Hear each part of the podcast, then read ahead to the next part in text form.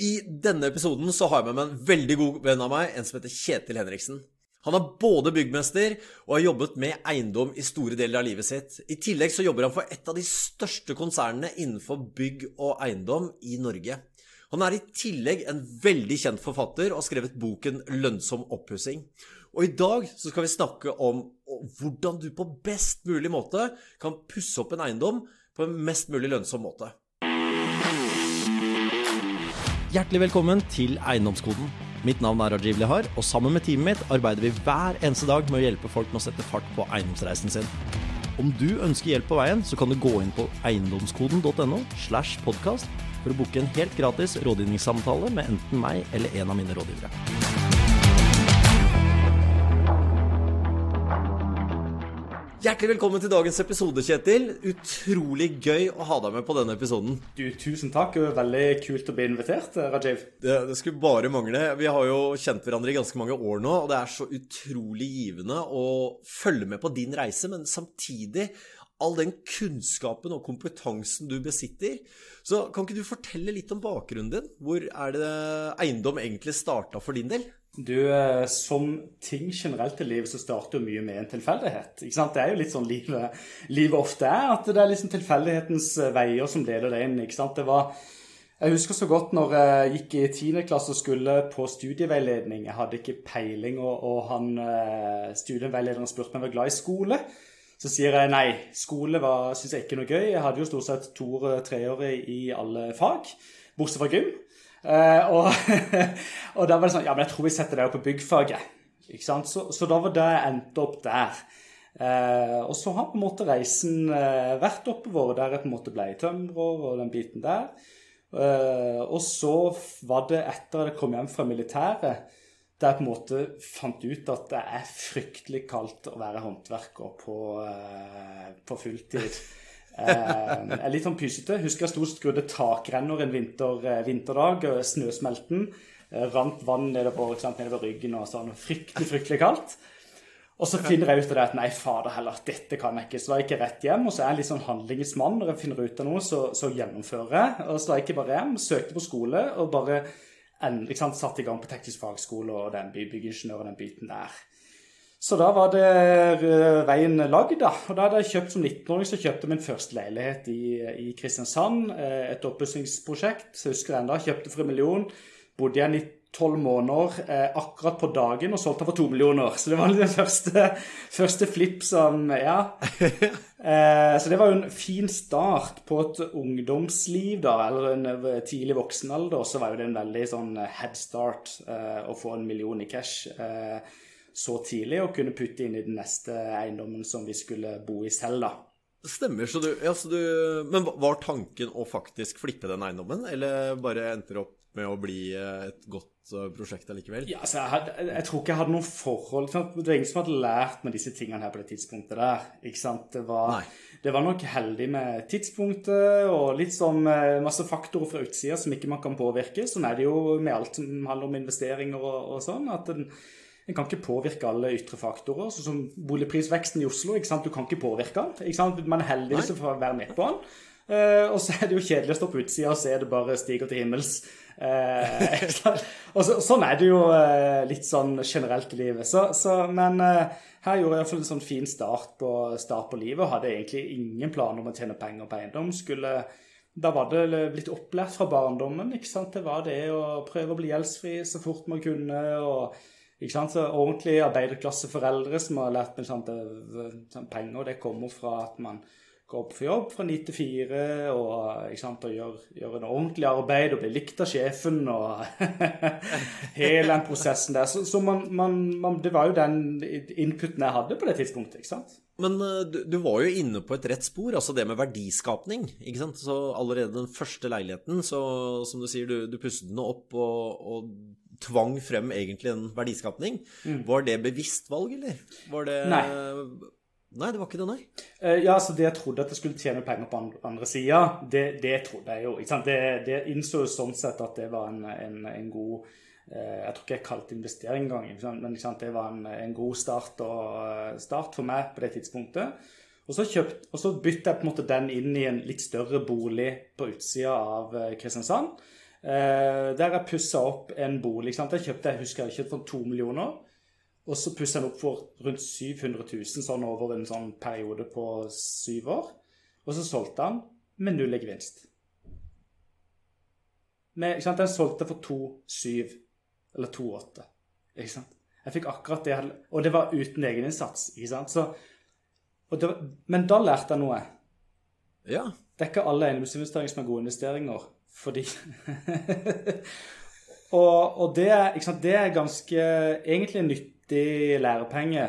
Og på det tidspunktet der jeg begynte å skjønne litt om hvordan verden er. Har fått litt annen input, sant? for der var jeg 5-6-27, og hadde lært litt av sant, andre mennesker enn mamma og pappa eh, om hva investering og eiendom og, og litt den verdien av eh, å skape, da. Og ikke nødvendigvis bare jobbe for pengene, men også skape egne verdier, eller verdier for andre som, som kommer til, tilbake. Og så har du jo altså på reisen din Nå har jeg jo fulgt deg som sagt i en god del år. Og vi har jo over tiden blitt eh, veldig, veldig gode venner også. Og det jeg syns er utrolig fascinerende med deg, det er den nerdebiten din. Når du først begynner å nerde, så går du så i dybden på ting. Um, og det samme har du gjort egentlig uh, med eiendomsreisen din, med kunnskap og kompetanse på bl.a. det her med å øke boligens kvaliteter og skape merverdi.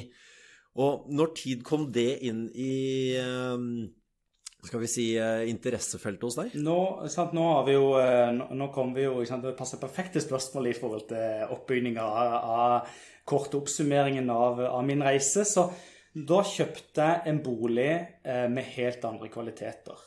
Nå kjøpte jeg en eiendom med fantastisk eh, panorama sjøutsikt. 360 kvadrat, to mål tomt i ikke sant, iallfall noen vil mene Kristiansands beste sant, adresser. Eh, et ordentlig renoveringsprosjekt som folk ikke ville ta fingrene i. Tenkte jeg, Fy faen, det, unnskyld uttrykket, men det blir gøy. Så, så da, da, kjøpte vi den, og så begynte vi å sette i gang. Jeg husker enda vi lagde en strukturert plan. Jeg skulle bruke sommerferien. Det første jeg gjorde, var å lage en leilighet. Den leilighet, det huset skulle jeg bo i gratis. Så jeg brukte ja. 28 dager fra å renovere en råkjeller til å bli en eh, leilighet. 28 dager etterpå så flytta første leietaker inn. og, Såpass, ja. Så den har nå tikka og gått uten én dags gap ikke sant, i ti år. Ikke sant? Den har jo generert sant, godt over en million skattefritt, ikke sant? 1-1,5 million skattefritt eh, gjennom den tidsperioden der. Det er jo en fantastisk inntekt, og det har jo egentlig finansiert alle boutgifter, eh, altså boligkostnader, sånn sett jeg har hatt med boligen. Så det er jo helt, eh, helt, nydelig. Ja, for det er der du bor nå, ikke sant? Jo. Altså, ja. Har man funnet drømmehuset, så flytter man ikke derifra. Da utvikler vi de kvalitetene. Så, så, så, så pussa jeg opp boligen og, og gjorde sånne ting ganske rasjonelt. Og skilte ut en tomt og sånn. Skulle egentlig selge. Fant ut at nei, vi gidder ikke å selge, vi bare sitter på den, og så selger vi den dagen jeg trenger cash. Og har selvfølgelig holdt på med andre sånne prosjekter som vi kan ta litt seinere. Men, men, men, da fikk jeg besøk av en kompis som akkurat har gjort liksom det samme som meg. Kjøpt en fantastisk bolig. Og så sier han det at Kan ikke du lære meg Hvordan, liksom, hvordan har du, du, gått frem her med ja. å, å, bygge denne boligen, pusse opp denne boligen her? For jeg har ikke lyst til å ende i sånn oppussingsmareritt. For det er liksom alt på stell hele tida. Det er liksom aldri noe Du pusser jo opp, men du er jo aldri sånn der um, nightmare med sånn planker som står i kryss og tvers i flere år. Sånn som det er på mange ja, prosjekter. Og da, da, ble på en måte Det var på en måte startskuddet for reisen med lønnsom oppussing. Ja. Men ikke sant, du spør en fyr om å skrive en bok som fikk to år i norsk skriftlig. Jeg tror helt seriøst at før den jeg begynte å skrive den boka, aldri har lest en hel bok fra perm til perm. Eh, Nei, jeg, jeg, kunne ikke skrive. Eh, jeg eh, jeg syns det er fryktelig kjedelig å lese, og jeg har alltid lest veldig seint eh, opp igjennom. Sant? For det, det, har bare vært null interesse for meg. Jeg liker fysisk, jeg liker at det skjer ting. Ikke sant? Jeg hopper yes. på ting. Så og jeg begynner å lese en bok, der det er tre sider, og så, og så er tankene mine et helt annet sted. Og så, jeg kjenner meg igjen. og så Fantastisk. Og så, og, så, og så, tenker jeg at ja, men så OK, fader heller. Dette er spennende. ikke sant? Og, ikke sant? alt det der, Ja, du kan selvfølgelig tjene penger på den greia, men det, det er liksom en, for dette har jeg lyst til å få til. Ikke sant? Bare sånn Shit, ikke sant? jeg kan det ikke. Dette har jeg lyst til å mestre. Så jeg begynte jeg å skrive og skrive og skrive. skrive, skrive, skrive, skrive. Sendte over til en kompis min, fikk tilbake dette var bare dritt. Uh, og fader. Og, ok, Kanskje du kan tenke litt sånn og sånn. Ok, ja, men sant? Og mange da ville jo på en måte bare sagt ok, uh, kanskje dette kanskje jeg dropper dette. Nei da. Men jeg begynte på nytt. Kaste alt i søpla, begynte på nytt. Skrive, skrive, skrive. skrive. Ikke sant? Og eh, ikke sant? etter tiende ganger, da så OK, nå er vi inne på noe. Og kanskje så flytte litt om på kapitlene sånn og sånn. Og, sant? og, så, og så, kjørte vi. Og jeg leste, og jeg satt og leste og leste og leste og skrev og skrev og skrev. Og leste om igjen og sletta. Og, sant? og jeg har sikkert skrevet den boka 300 ganger. Ikke sant? Og fremdeles eh, en, eh, Folk som er gode i, i, norsk språk, vil jo si at boka sånn sett er helt elendig. Men jeg er interessert i å fortelle en historie. Altså historien ja. om det å øke boligens kvaliteter. ikke sant? Også for yes. de som ikke tenker en investering, men de som også tenker at jeg vil bare bo i en god bolig, jeg vil pusse operasjonelt. Ikke, ikke som en investering, men fordi jeg ønsker et godt sted å bo. Men også for de da som ønsker å investere i, i bolig. Hvordan man skal tenke sant, i, i materialkvaliteter og valg og gjøre ting i riktig rekkefølge. og ikke sant, Det er mer den planleggingsprosessen. Og der er du jo litt inne på det, det jeg digger med ditt, din skal vi si, både erfaring, men også måten du deler på. Uh, altså Vi har jo spara mye med hverandre opp gjennom åra, og, og, det som jeg syns er veldig veldig gøy å, å, følge med på når du forklarer, det er jo at du, du er veldig systematisk. Og det er, det er, veldig enkelt å holde følge på det du ønsker å få til. da. Og når du da tar den kompetansen du har Du har jo ikke bare pusset opp dine eiendommer, du har jo vært med på en del eiendomsprosjekter eh, utenom, ved siden av. Det du egentlig har gjort med den boka, er jo i utgangspunktet veldig en sånn strategisk frem, fremgangsmåte for enhver å kunne ta tak i et oppussingsprosjekt. Og det som du kanskje Det jeg digger med deg, med deg, Kjetil, det er jo at du har fokus på det med å skape verdi. Mm. Altså om det er bokvalitet, eller om det er eiendomskvalitet, eller om det er investeringskvalitet som du skaper. Ta litt om hvordan, uh, hvordan du tenkte. Altså, hvis du skal forklare litt lønnsom oppussing med dine egne ord, mm. hvordan, hva, vil du, hva vil du si er en lønnsom måte å pusse opp på? Er jo en enkel, en enkel fyr. Jeg prøver å ikke komplisere ikke problemstillinger, men det å forenkle, forenkle, forenkle og automatisere, automatisere. Det har alltid vært min sant, greie hele veien, at jeg prøver å automatisere og gjøre meg selv, eh, erstatte meg sjøl og gjøre sant, et system skal være uavhengig av meg. ikke sant? Så, ikke sant? Yes. Det, da, da har du bygd en maskin. Hvis du kan reise derifra, og maskinen fortsatt surrer og går. Og sånn, ja. sånn er det. ikke sant? Sånn har det vært litt med, sant, litt med eiendom også. Jeg ønsker å ha en maskin, se på huset som maskin, som surrer og går av seg sjøl uten at jeg trenger å eh, ha så mye vedlikehold med det. Og da spesielt når du driver med utleie, så er jo det fantastisk. ikke sant? Mm. Og da må man jo ha et veldig sånn rasjonell plan på boligen sin. ikke sant? Og det er derfor vi ja. En, vi lagde boken da, som heter den står bak her, 'Lønnsom oppussing. Eh, byggmesterens metode', som er da eh, mindsettet, om du vil, i forhold til sånn som yes. jeg ville tenkt når du går i gang med å se på en bolig første gang. Det er litt som han sa, han kompisen min gikk i gang sånn jeg skulle ønske jeg hadde det røntgensynet ditt. Når du går inn i en bolig, så bare ser du gjennom alle lagene. Bare, her er det sånn isolasjon og sånn og sånn. og sånn, ikke sant? Det er litt den yes. vi prøver å, å, på en måte gi litt, da. Du må på en måte Jeg går ikke inn og ser på veggfargen på en bolig. Det er fullstendig ja. irrelevant for meg. Ok, Hva er de tekniske kvalitetene? Hvor mye koster sant? Ok, Er huset CG? Er, er, det de tingene som koster mye penger å, å, å, gjøre noe med? Ok, Bad, kjøkken, ok, flytterør opp ned. sant? De tingene der koster ja. penger. Eh, mens de der lette tingene, hive på en gipsplater og sparkle og male, det er, koster jo ikke en dritt. Eh, så, så, folk bruker øynene eh, istedenfor hodet da, når de ser på en, ja. på en bolig. Eh, men, men, vi må snu litt om. Man må se, ikke sant, ok, Lokasjon er selvfølgelig superviktig for eiendomsutviklinga på en bolig. Mm. Åpenbart. ikke sant? Eh, men har du først kjøpt den, så kan du ikke gjøre så mye med den. Eh, litt vanskelig.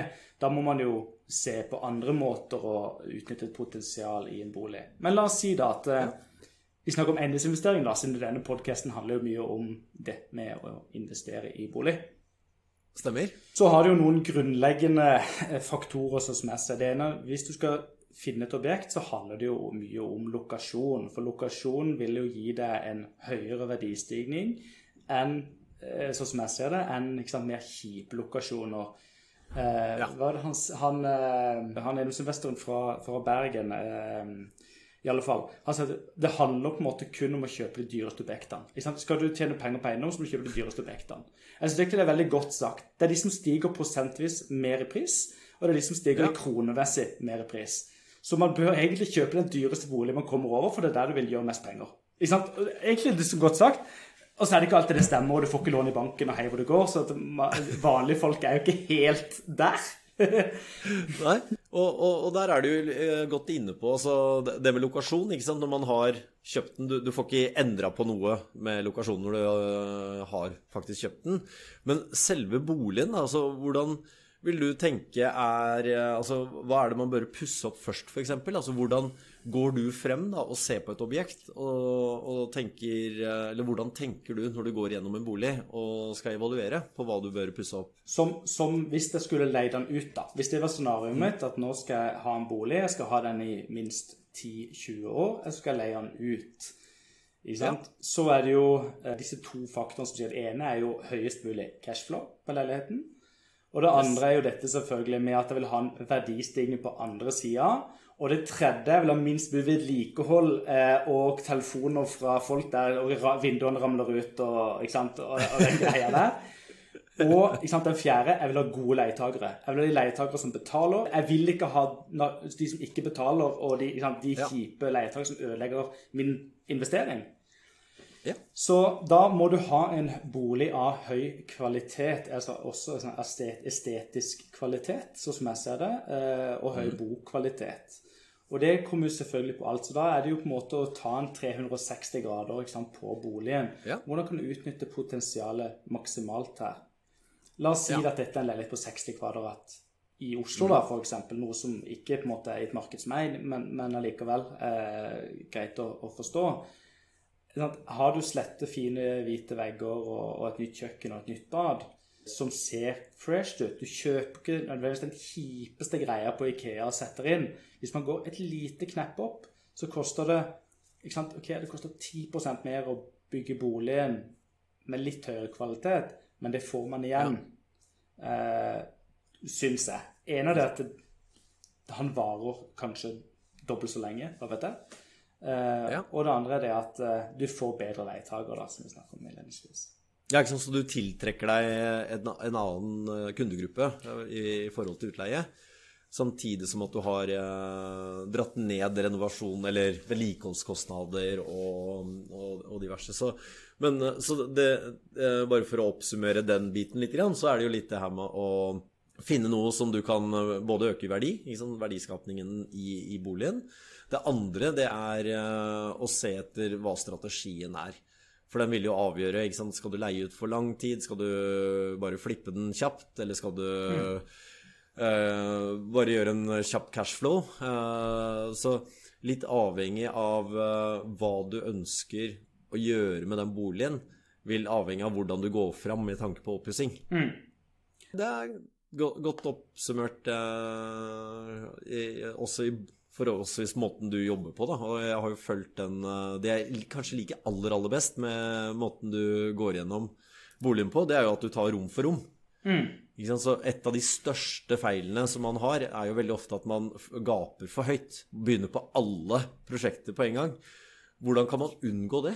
Altså, det er jo litt sant? Igjen her, her blir det jo litt sånn generalisering. sant? For noen så kan de jo gjøre noe selv. Noen gjør jo absolutt alt selv. Hvis du på en måte har min fagutdanning, så er det liksom naturlig at eh, jeg, jeg gjør, gjør mye selv fordi jeg syns det er gøy. Ja. Og så er det de som må leie inn folk til alt. Ikke sant? Ja. Som er den, den, den tredje Og kanskje det vanligste blant, blant mange, da. Én fordi at du kan, da kan du gjøre mer parallelt. eh, Flere investeringer Ja. parallelt. Og, og, og man, man slipper sant, å ta et ansvar i forhold til den rene renovasjonsbiten. Og hvis du skal gjøre den siste der, da, så er det på en måte bare å gå i gang. Men hvis du skal gjøre noe selv, eller deler av arbeidet selv, eller hva som helst, så er det jo det å dele oppussninga opp i kakestykker.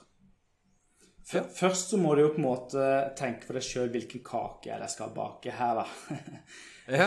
Er, det, Er det marsipankake, så er det jo greit at du på en måte vært, ikke, det blir et sjokoladekakestykke og et marsipankake og napoleonskake. Sånn, man, man må tenke hele den boligen, hvordan det ønsker at den skal se ut til slutt. Ja, skal være en marsipankake. Og, Ja. og, og så må man jo da sånn, skjære ut det første stykket. Da. La oss si at eh, jeg vil jo kanskje da typisk det er jo vanlig type da begynne med soverom og stue og, og gang. og så Det henger ofte litt sånn sammen og skal ha litt samme uttrykk. Det er kanskje slette vegger og slette tak og gjennomgående parkett. Ikke sant? Så de rommene Ja. kanskje er fine å slå sammen. Men hver, hver av de rommene der har jo på en måte like sånn at overflater, more or less. Ikke sant? Det er type gips og, og, og, og en eikeparkett. Ja. Uh, så, så de er greie å slå sammen.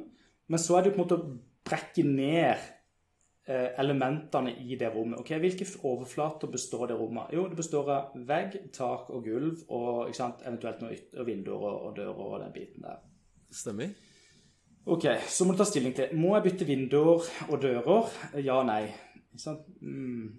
Ja. Hvis ikke du vet svaret, så spør noen fagkyndige. Ok, nei, disse holder i, i 20 år til, så de lar vi, de lar vi ligge. Eller disse eh, her er det jækla kaldt, så her må vi isolere. Ikke sant? Disse ting, disse Ja. tekniske tingene her må du ha, ta stilling til. Må vi på en måte gjøre noen tekniske oppgraderinger? Må det elektriske, rørlegger, må han inn? Badet, ja, men det skal jo flytte badet. Ja, fader, da må, jeg, da må jeg få lagt opp rørene før jeg legger parketten, sånn at jeg ikke må ta opp parketten igjen for å legge rørene under parketten. Eh, ja. Derfor må man ha, ikke? Man må se hele kaka først. Jeg skal, jeg skal kanskje flytte litt rundt. Ja, badet må, kan ikke ligge der. Det må ligge på vestsida fordi at eh, sånn og sånn. Så man må på en måte legge floorplan.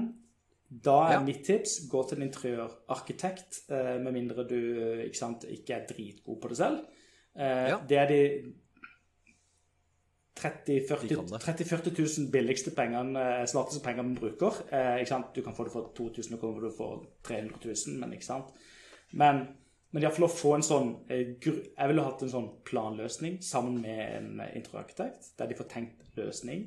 Og så er det på en måte å gå i gang, da. ikke sant? Eh, Med de tekniske oppgraderingene. Få en, en elektriker på besøk, få en rørlegger på- besøk, få dem på befaring, sjekke litt. Eh, ok, hva hva må jeg gjøre her? Eh, skal vi gjøre rør i rør? Eh, sånn og sånn og sånn. Og få på plass de tekniske tingene. Når, det, når den ligger på plass, det er jo dette jeg har brukt planleggingsguiden til, som er på en måte Ja. noe som er sammen med lønnsom oppussing. Der skriver man ned dette litt systematisk. Nå er det jo noen år siden på en måte jeg har lest den selv igjen. ikke sant? Jeg leser ikke bøker, som sagt. Jeg bare skriver det. men, men, men, eh, men der på en måte prøver jeg å systematisere den prosessen. I hodet mitt er det jo kaos. Det er derfor jeg prøver å skrive den ned. For at da får jeg rydda opp i, eh, i, eh, i systematikk, systematikken, da. Ja, ikke sant? Så, så i utgangspunktet, ta um, de enkleste rommene først, bare for å komme i gang med planlegginga. Det er typ soverom, stue eh, Altså ikke høytekniske rom, da, altså ikke kjøkken og bad. eh, ikke sikringsskap osv. Men, men at det er tatt med i betraktningen i den hovedkaka som du skal ønne opp med. Riktig. Men bare for å komme i gang, for at du skal kunne ta én bit av gangen da, og ikke gape for høyt, så er det å dele opp, eh, så er det å dele opp rommene. Se på det tekniske, se på de eh, større tingene først. Altså tak, eh, eller vinduer, dører, isolasjon osv. Og, så og finishen. Og, og eh, har du en oppfatning av at det er veldig mange som fokuserer kanskje mer på finishen enn egentlig det tekniske, og på en måte For det er det man ser. Ikke sant? Er det, er det der man skiller kanskje en som er fagkyndig, da, fra en som ikke ser det hele bildet? Altså utleieleiligheter eh, Mange utleieleiligheter jeg ser, jeg kan ser ut som sant? Det er jo en helt, helt eh, krise. Og, og jeg skjønner det. Det er jo sant, ofte en grunn til at, eh, til at mennesker leier. Ikke sant, Ikke alltid, men det er ofte en grunn til at mennesker leier. Eh, Det er fordi at de ikke ønsker å styre med vedlikehold, og da, da blir det på en måte ikke vedlikeholdt. Ellers er det jo studenter som er glad i å feste og egentlig gir eh, sant, fullstendig i, eh, i, i selve boligen. ikke sant? De bare fester og holder på. ikke sant? Så det er jo, er det en utleieleilighet, så må man jo tenke på slitestyrke på materialer. ikke sant? Her er jo materialvalg ekstremt viktig. Da er det jo? Da må man jo gå og snakke med, med typ noen folk på byggevarehus, der man må få hjelp da til å, til å ta de riktige beslutningene rundt valg av eh, vegg, eh, valg av malingstype, eh, valg av eh, dører og dørpumper og ulike ting, så det ikke blir smelling med dører. Eh, ikke sant? Eh, hva- ok, Champagnekorker i taket, hvordan unngår jeg at eh, Har du noen fun stories på sånne, sånne feilvalg, eller? Ja, altså, jeg har jo sjøl, tatt mange feilvalg. ikke sant? Det ene er jo det at man Ja. tenker ikke sant? Man, man har jo hørt ikke sant, at laminat, for eksempel, laminat er fantastisk slitestyrke. ikke sant? Og er det dyr og, og den biten der, så er det helt, helt prima vare. Og, så, og så har man det, så legger man det, og det, ikke sant? så koster det selvfølgelig bitte grann mindre. Men ikke sant? de prisene har blitt ganske høye på sånn I gamle dager kostet det 30 kroner for kvadraten. Nå koster det jo sånn 400-500 kroner. Og så legger, man, eh, så legger man det, og så ser man at fader, det er jo ikke fuktbestandig. Ikke sant? Så under spisebordet der det er noen unger som har sølt vann, ikke sant? der ligger jo paketten som en, som en svær bul. På, på, Ja. ikke sant? Så, og det er utrolig kjipt, ikke sant? for det er jo en reklamasjon, fordi at eh, det tåler ikke at det ligger vann der over tid og sånne ting. Så, så nei, ikke noe uh, fun Jeg syns ikke det er funny story når ting blir ødelagt. men uh, det er jo mange ting. Sant? Så jeg ser jo sånn, jeg valgte f.eks. i en hybel som jeg bygde, så, så, så satte jeg inn en, en kikke, Da var jeg litt sånn kjipt da var jeg litt sånn gjerrig gjerrig øyeblikk i livet mitt, så da gikk jeg og kjøpte sånn husker jeg på montere og kjøpte den absolutt billigste dusjen. Jeg tror den kostet 4000 kroner. Dusjkabinett og satte inn der. Etter, Ja. etter to år, du, jeg husker ennå, så ringte han leietakeren, og spruta det vann ut av dusjen. ikke sant? Så var det jo noe rør som var sprukket. vet du. Står jo vannstrålen, og så var jo selvfølgelig det derre Han visste ikke hvor stoppekrana var. den greia, ikke sant? De, ikke sant? Så du måtte jo løpe ned og ikke sant? få stengt vann og, og holde på. sånn, så så det er derfor, sant, det er jo det- Hadde jeg kjøpt en, en, eh, en sånn standard showerama til, til 10 000, så hadde jeg jo sluppet det problemet Ja. og antageligvis hatt en dusj som eh, hadde vært like fin enda. Nå må det på en måte hele skitten byttes, da. Jeg hadde jo samme Det var jo Jeg skulle også prøve å spare en gang, husker jeg, og brukte samme takmaling på veggene en gang i tida. Ja. Og det var jo matt maling, som eh, bare du så på den, så ble den jo møkkete. Ja. det, det, det er kjipt å ha på veggene, så det det er veldig godt eh, poeng det her med å tenke på slitstyrke. Og gjøre det egentlig litt lettere for seg selv da, over tid. Ikke sant? At man ikke setter seg i et scenario hvor du må drive og male om eh, veggene hver gang, selv om det er billig maling. Så la oss nå ta det videre da, fra greit, du, du går systematisk gjennom rommene. Du tar gjerne og deler opp uh, i den, fra den store kaka til mindre kakestykker. Finne ut av hva man har lyst til å gjøre selv. Og det er litt interessant. Eh, det du nevnte der sånn med at skal du sette ut jobben, skal du gjøre alt selv. Og noen ønsker jo, og tror, eh, at det er billigst å alltid gjøre det selv. Stemmer det, Kjetil? Definitivt ikke, ikke sant. Eh, Nei. og jeg ser jo sant, også dette? Nå, nå jobber jo sant, nå kan du si, Jeg jobber jo nå med å sant, bygge opp eh, en, en, en håndverkskjede i, i Norge eh, som heter Steady. Eh, og, og, sant, og det er jo litt sånn eh, fordi at en har gjort det en har gjort, og, og, og, og denne biten, og en fått lov til å jobbe med det. Men det som er, det som er spennende da med, med det Jeg er veldig glad i å gjøre ting selv. Jeg syns det er gøy. For Ja. meg så er det eh, fritid. Det er å kunne gå og male eller sant, hva som helst. Det syns jeg er nydelig. Hvis det er på mine premisser. Hvis Ja. jeg kan bestemme når eh, og hvor og hva, så, så syns jeg det er kjempegøy. Hvis noen forteller meg at du må du ned og gjøre det, så syns jeg ikke det er så gøy, da. Nei, ikke så. Men jeg, jeg, jeg syns jo eh, sant, vi nordmenn generelt, eller eh, den vestlige verden, eller hva som helst, sant, vi har jo blitt litt sånn, Det er jo en arbeidsfordeling eh, i samfunnet som ikke vi har eh, sett før. Ikke sant? Før så gjorde jo folk med ting selv. Det som sier at Ja. min, min bestefar bygde huset, og min far malte det, og jeg, og, og jeg gjør ingenting. ikke sant? Eh, Ja. så, ikke sant? så det, er jo litt, det, det er jo litt den storyen du hører rundt forbi, at folk eh, har jo virkelig 16 tommeltotter. Og det er jo trist, fordi at eh, håndverk er gøy. Det er gøy å skape ting med hendene. Det er gøy å utfordre seg sjøl til å gjøre ting man ikke kan. Og det å, det å kunne en, gjennomføre praktiske oppgaver selv har en overføringsverdi til hvis man jobber med andre ting etterpå. For det som er spennende med håndverksfaget, kontra å lage podkast, f.eks., eller hva som helst det er at håndverksfaget så må du begynne nederst og bygge deg oppover. Det er lag på lag. Du kan ikke montere gipsplater før veggen, før bindingsverket er på plass. Ikke sant? Ja. Eh, hvis man jobber med podkast, f.eks., så kan man begynne å spille inn før man har planlagt. Man, kan begynne, man kan gjøre ting i ulik eh, rekkefølge, og du vil på en måte få det til å henge sammen på et eller annet vis. Men det å gjøre sant, bygg, håndverksfag må man gjøre ting i riktig rekkefølge, for det er en sandwich. Der ikke, lam, der ikke laminaten skal ligge eh, under parkettunderlaget, ikke sant, for eksempel. Ja. Så Ja, men Det er et veldig, veldig godt poeng. En del av det handler jo om kunnskap. ikke sant? Altså Det at man mangler en kunnskap og antar eh, altså Et av de største feilene som, eh, som vi har hørt, da, eh, er jo ofte da at man undervurderer kost, undervurderer lengde på hvor lang tid ting skal ta. Eh, og mye av det henger jo litt sammen med at man kanskje ikke har den erfaringen, eller at man er bare rett og slett overoptimistisk og, og veldig positiv og glemmer de småtingene, da. Hvordan håndterer man eh, den type ting? Altså hvordan bør man tenke da, hvis man skal prøve å få med de smådetaljene som kan spenne bein på en? Hva, hva tenker du er tips, godt tips der sånn? god planlegging.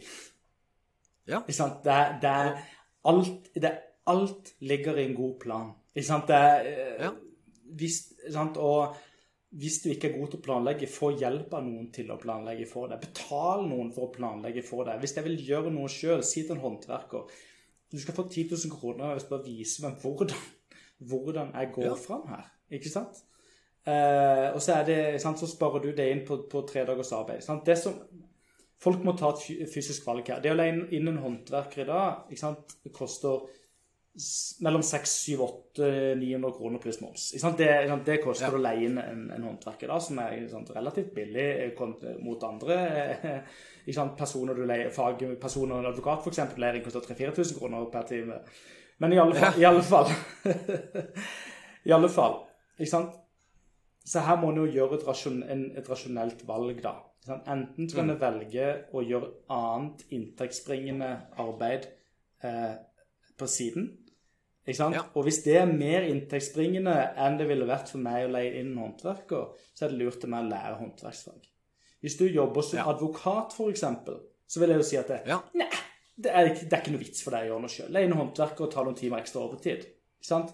Du tjener, Ja. du tjener sikkert er det, du? Kanskje du tjener 1000 kroner til. Hva vet jeg, har ikke peiling. Men ikke sant?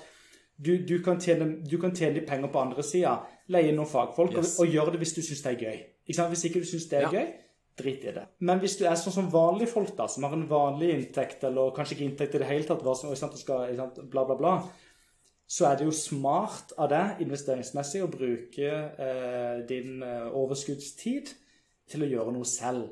Én Ja. for å lære, to for å spare penger. Det er et veldig godt poeng det du kom med der, sånn, og det er jo mange som glemmer det her. da, at uh, si du, altså Ta for mye, veldig enkelt eksempel. Jeg hater å male. Jeg, jeg har ikke den tålmodigheten til maling, men uh, Ikea-kjøkken, det digger jeg. Det kan jeg sette opp i Men det, det er raske resultater, og så er det, det er så banalt enkelt at det er, liksom, det er vanskelig å gjøre feil på Ikea-kjøkken. da.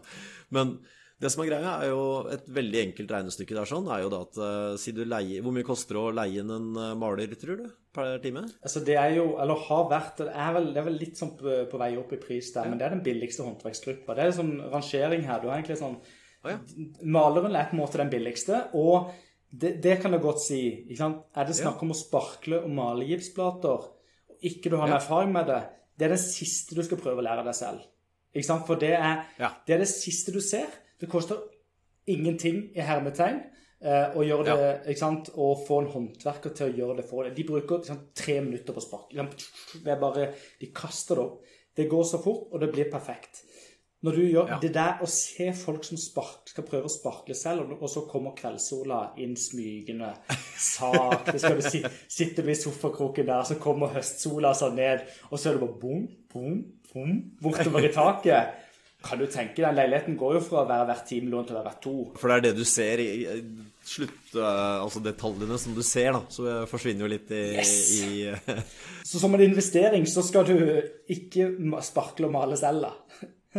Ja, hvis du ikke kan, Hvis ikke og Ja. Jeg regna jo på det. ikke sant? Da var jeg jo fortsatt i jobb og tenkte ok, greit, hvis jeg maler, da, si bare tar opp tall, koster 500 kroner timen. Men maleren bruker én dag på samme jobben som jeg kunne ha brukt tre dager på fordi at ikke jeg er fagkyndig. Så tar det lengre tid. Men de tre dagene, så, altså de tre kveldene, hvis jeg da hadde jobba overtid, så tjente jeg mer på å jobbe overtid enn det det kosta å ha inn en maler til å gjøre jobben på en raskere tid. Så det er ikke alltid billigere å gjøre alt selv. Eh, I hvert fall når man ikke kan det, og ikke minst sånn som du sier, altså det, i hvert fall det synlige som man Uh, har jo vært borti hvor folk har lagt eh, gulv, og så har de kappa litt for mye, så det stikker ut en glippe på en halv centimeter, en centimeter langs lista. og det, Sånne ting synes, og det, det virker som slett arbeid, da, rett og slett. Så det, men veldig, veldig interessant. Og ikke minst det her med å finne ut av hva du trives med. For Hvis du trives med et eller annet, så blir gjerne resultatet litt bedre enn Mm. eh, hvis f.eks. jeg skal sparkle og male, som jeg i utgangspunktet ikke liker. så, så blir jeg litt mer Syns Jeg syns du er flink her, Rajiv. Det har fått, eh, fått det veldig fint. Jo, men da har jeg satt ut mye jobb òg, da. Ja da, men, eh, men, men, men det, det er et viktig sant? Og, det er det, det, og, og her er det sant? Det, det er dette Hva kan du hva kan, du, okay, hva kan hvem som helst gjøre selv? ikke sant? Og hva kan du spare Ja. penger på? Rive og kjøre vekk søppel, det kan alle på en måte med to bein og to. ikke sant? Med, ikke sant? Hvis en ikke sitter på rullestol. Men la oss si at du er en vanlig person, så, så kan Ja. du som regel gjøre riving, og du kan gjøre bortkjøring av søppel. ikke sant? Der har du spart eh, titusenvis av kroner bare på å gjennomføre denne oppgaven selv, og det er litt eh, kult også. Du får litt mer eierskap til prosjektet. Ja. Når man da skal bruke håndverkere, eh, så er jo det ekstremt viktig. Eh, Vi har jo alle sett ikke sant, disse eh, fæle eksemplene på eh, håndverkere som eh, både lurer kunder, eller rett og slett eh, prøve så godt de kan og, og ikke få det til, eller sant, hva som helst. Så er det ekstremt viktig å være kvalitetsbevisst rundt det å velge riktig håndverk. For den høyeste prisen på tilbudet betyr ikke nødvendigvis det er den eh, høyeste prisen på slutt, slutt, eh, sluttfakturaen. eh, fordi at man må, ofte, man må lese det som står i tilbudet også, ikke bare akkurat på siste linja der prisen står. Ja. Fordi at det er liksom Hva er det som er inkludert i et tilbud? Og hva er det hånd, hvem er denne håndverkeren? Eh, Hvilke kvalifikasjoner har han, og erfaring, eh, og den biten det er, da. Bruk håndverkere sant, mye, og vær selektiv og, og på hvilke håndverkere du eh, bruker, da. Det er iallfall litt sånn Ja. Og det er jo litt, en, sant, det er det jeg litt jeg jobber med, sant, jobber med i dag. Sant, og det å på en måte bruke riktige håndverkere og selektere de flinke fra de eh, litt mindre seriøse, da, så, så er jo det en viktig bit. Hvilke kriterier eh, bruker du for å velge håndverker? Jeg er jo litt heldig at jeg har vært jeg er byggmester og har drevet byggefirma, og, og jeg kjenner og prater godt med håndverkere. Så jeg, så jeg er jo litt heldig at jeg, jeg ringer jo sant, rett til sant, en eller annen i Ja. et firma som jeg vet er dritbra. eh, Og jeg spør aldri om pris, for jeg vet bare at eh, han er bare helt magisk og produserer dobbelt så mye som alle, alle andre. ikke sant? Eh, Ja. Så jeg bare sier bare kom, kom på timer. Du kan gjøre det på dine premisser. sant? Han kommer imellom, ikke sant? imellom og gjør det. Så jeg på en måte prøver veldig på tilbudssida der, for jeg vet at det er folk som syns det er dritgøy. Jeg har en rørlegger inne nå. ikke sant? Timen er fantastisk håndverker. Han bare kommer og ordner opp, og det er bare aldri noe problem. Og, og så, ja, 'Jeg har ikke tid', eh, ringer han. 'Jeg har ikke tid' eh, ja, ok, jeg kan komme i ettermiddag. Men så kommer han altså eh, inne og bare holder på ikke sant, og skrur sammen. og ikke sant? Eh, så han som spør aldri om pris. ikke sant? Og elektriker også. Han spør aldri om pris. For dette, men Nei. hvis du ikke har den bekjentskapen, så må du Yes. få den bekjentskapen. Hvordan gjør man det? Og det, og det, det, det er 1000 kroner spørsmål, Rajiv. Fordi at jeg er byggemester. Jeg ville aldri leid inn meg ikke sant, som håndverker. For jeg er ikke en god håndverker lenger. Ikke sant? Det, er, det er 15 år siden jeg praktiserte det profesjonelt. Ikke sant? Nå gjør jeg det bare for gøy. Det fin, finnes det egentlig noen gode eh, verktøy for å selektere de seriøse fra de useriøse? Hvilke håndverkere tar pengene mine og stikker til Bahamas og legger seg på en strand der og, og kaster telefonen? Ikke sant? Og hvem kommer faktisk og leverer til avtalt tid og avtalt pris? Ikke sant? Det er alltid mellom der kan på en måte skje Ikke sant? Eh, og vi hører jo Alle kjenner jo noen som har blitt lurt av en håndverker en gang. Ikke sant? Det er liksom Alle har den historien eh, Du har vel også det, Feder er med. Du som har brukt såpass mye håndverkere. I alle fall så, så er det jo eh, sånn at eh, kan du bruke kvalifikasjoner? Er et byggmesterpapir en god nok kvalifikasjon for en seriøs håndverker? Mitt svar er dessverre nei. Ikke sant? Jeg er byggmester. Det er, det, at du er byggmester, det betyr at du har eh, jobba i to år etter læretida. Altså to år praksis etter læretida, og du har tatt en, en, en, eh, en fagutdanning. Eh, ikke sant? Mesterpapir kan enten mm. ta med teknisk fagskole med to år, som jeg har, eller så kan du måtte ta det med sånn deltidskurs i, i, på Tenerife. Uh, ikke sant? Nå setter jeg det på spissen, altså. Men? Du, du kan ta disse intensivkursene, kveldskursene og biten der og lære noe om organisasjon og ledelse og litt sånn uh, hei hvor det går. Og det er kjempebra, det. Men det er, det er useriøse også som kan bli byggmestere. Så det, ikke, det, er ikke et kvalitetsstempel. Hvem som helst kan bli byggmester, bare du har gjort det du skal gjøre. Og så er det sånn OK, skal jeg stole på stjerneratinger øh, og, og, alle disse her anbudstjenestene og, og, den biten der? Så kan du godt si ja, det kan godt hende, ikke sant? Men så må du stille spørsmålet hvilke håndverkere er det som registrerer seg på disse sidene, på mitt anbud f.eks. Eh, de håndverkerne jeg bruker, er iallfall ikke på mitt anbud. Fordi at de er for flinke. De har nok å holde på med. Så de er ikke interessert i, i de, er, de, har nok jobb ikke sant, og skalerer virksomheten sin gjennom uh, ryktebørsen ikke sant, i større grad. Og Det er jo derfor ikke sant, det krystalliserte seg i denne håndverkskjeden som, som heter Steady, som vi lager nå, ikke sant, der vi på en måte prøver å identifisere de flinke håndverkerne og hjelpe de til å bli bedre håndverkere gjennom, gjennom et, en systematikk og tilby det til sluttkundene uten på å være noe fordyrende mellomledd her, ikke sant, men, men mer å fasilitere for den prosessen gjennom å hjelpe håndverkeren eh, til å bli bedre på det organisatoriske som ligger bak skrive profesjonelle tilbud og det kontraktuelle og alt det der tjafset som en bedriftseier må forholde seg til. Mens sluttkunden skal være trygg på sluttproduktet. Så med mestergruppen i ryggen sant, så garanterer jo vi våre håndverkere sitt arbeid. Hvis ikke de leverer som avtalt, så gjør vi det for dem. Så, yes. så, hvis de skriver, sier at vi skal fikse stua di, og den blir skeiv og ikke er norsk standard, så kommer vi og fikser opp selv om de går konk. Det er vel det eneste av sitt slag av den type tjeneste? Ja, ja. Oppussings Hvis du spør norske forbrukere der ute eh, hvilken tjeneste de stoler minst på, så er det oppussingssnekkeren. De ligger helt, helt nederst på norsk eh, nå, det, det, er et norsk kundebarometer, jeg husker helt. Men i alle fall, det er sånne store eller nasjonale undersøkelser, og der ligger oppussingsbransjen helt nederst.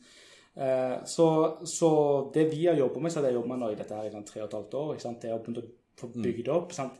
kriteriene og liksom omstendighetene rundt, rundt, denne biten her, det er å virkelig ta et krafttak og løfte denne bransjen til et nytt nivå.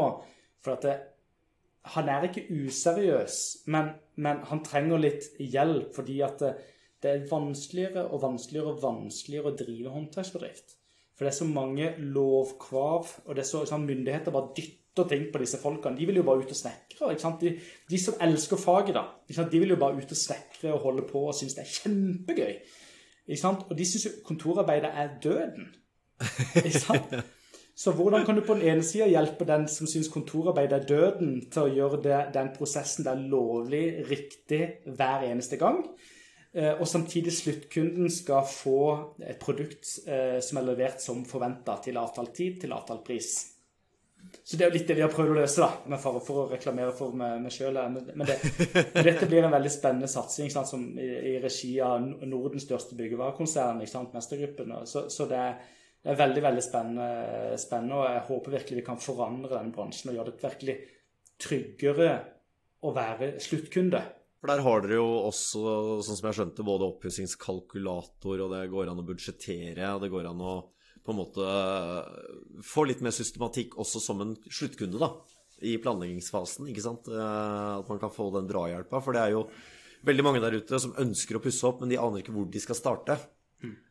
Og de aner ikke hvilke ting de skal se på, hva er det de skal fokusere på, osv. Og, og det er i det scenarioet man bør gå systematisk frem. Ta rom for rom, få hjelp fra håndverkere. Og en av de tingene jeg har brukt veldig ofte, det er jo at jeg, jeg går på typ Anbudstorget eller Mitt anbud eller finn.no eller Facebook-grupper osv. Så, videre.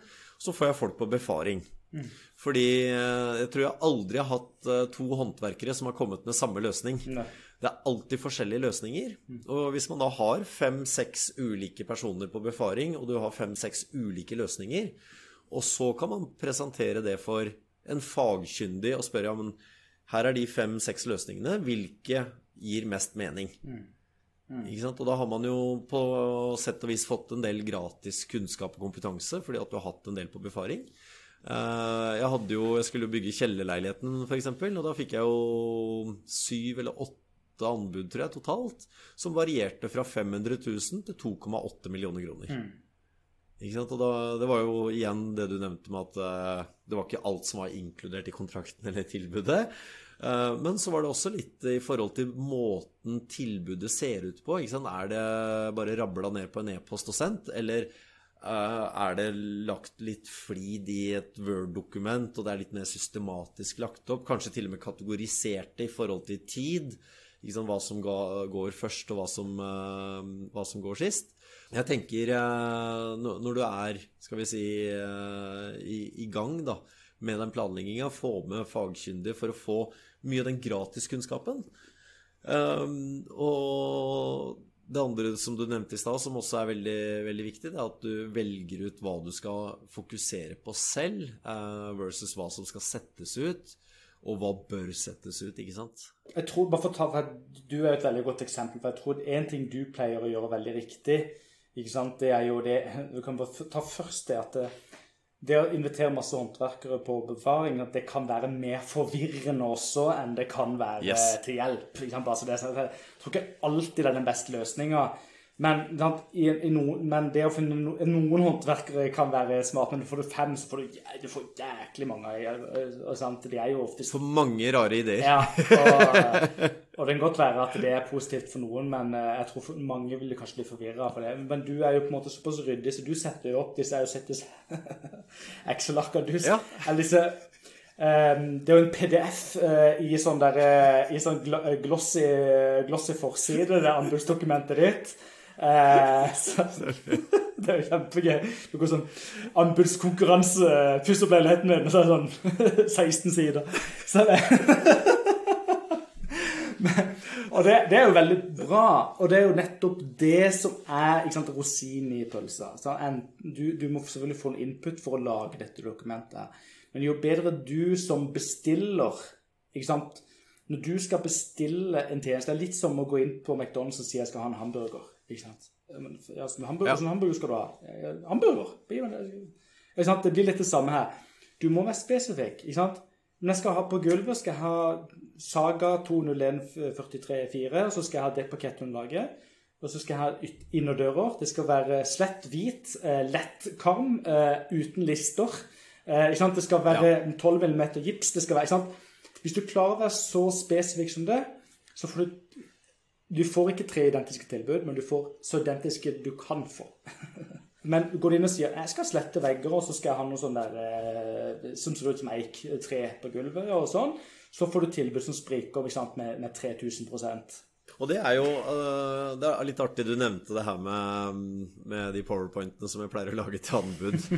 Og, men det, mye av det gjør jeg veldig ofte for å selv gå gjennom den prosessen. Ja med planlegginga og tenke løsninger, komme på ideer osv. Og, så og det, det jeg veldig ofte gjør, da, det er jeg tar bare en Google-presentasjon, for det er jo gratis å smekke inn og dele. Og så tar jeg gjerne planløsninga fra prospektet som ligger der. Og der kan jeg klippe ut, lime inn, og så endre på planløsninga, sette inn en strek.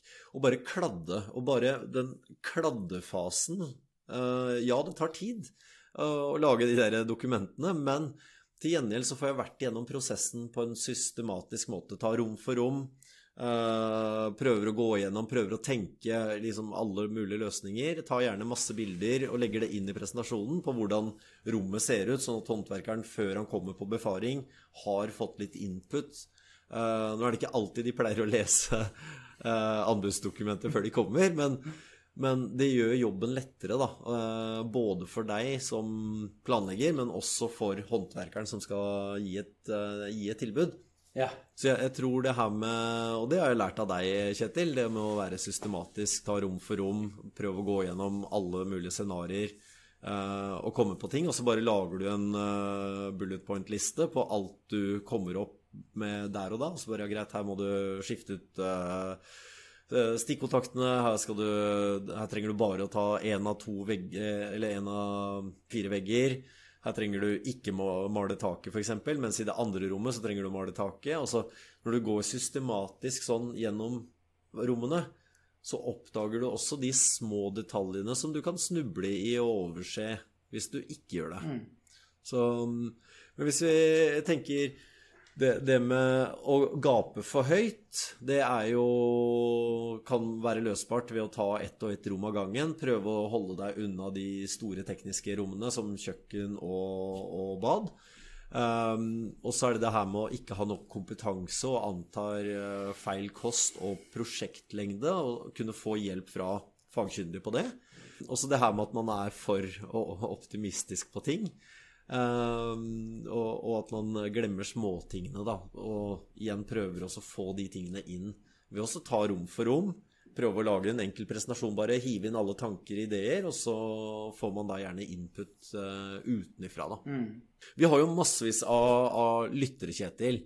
Uh, noen veldig dyktige og har gjort masse og er sikkert bedre enn uh, både deg og meg til sammen til å planlegge og gjennomføre. Men så har du også en del nybegynnere som kanskje skal i gang med første oppussingsprosjekt eller skal i gang med første eiendomsinvestering. Har du noen konkrete tips til hvordan de bør tenke når det kommer til oppussing? Ja, altså du eh, En ting jeg har lært gjennom hele livet, er at hvis ikke man prøver, så får man det aldri til. Ja.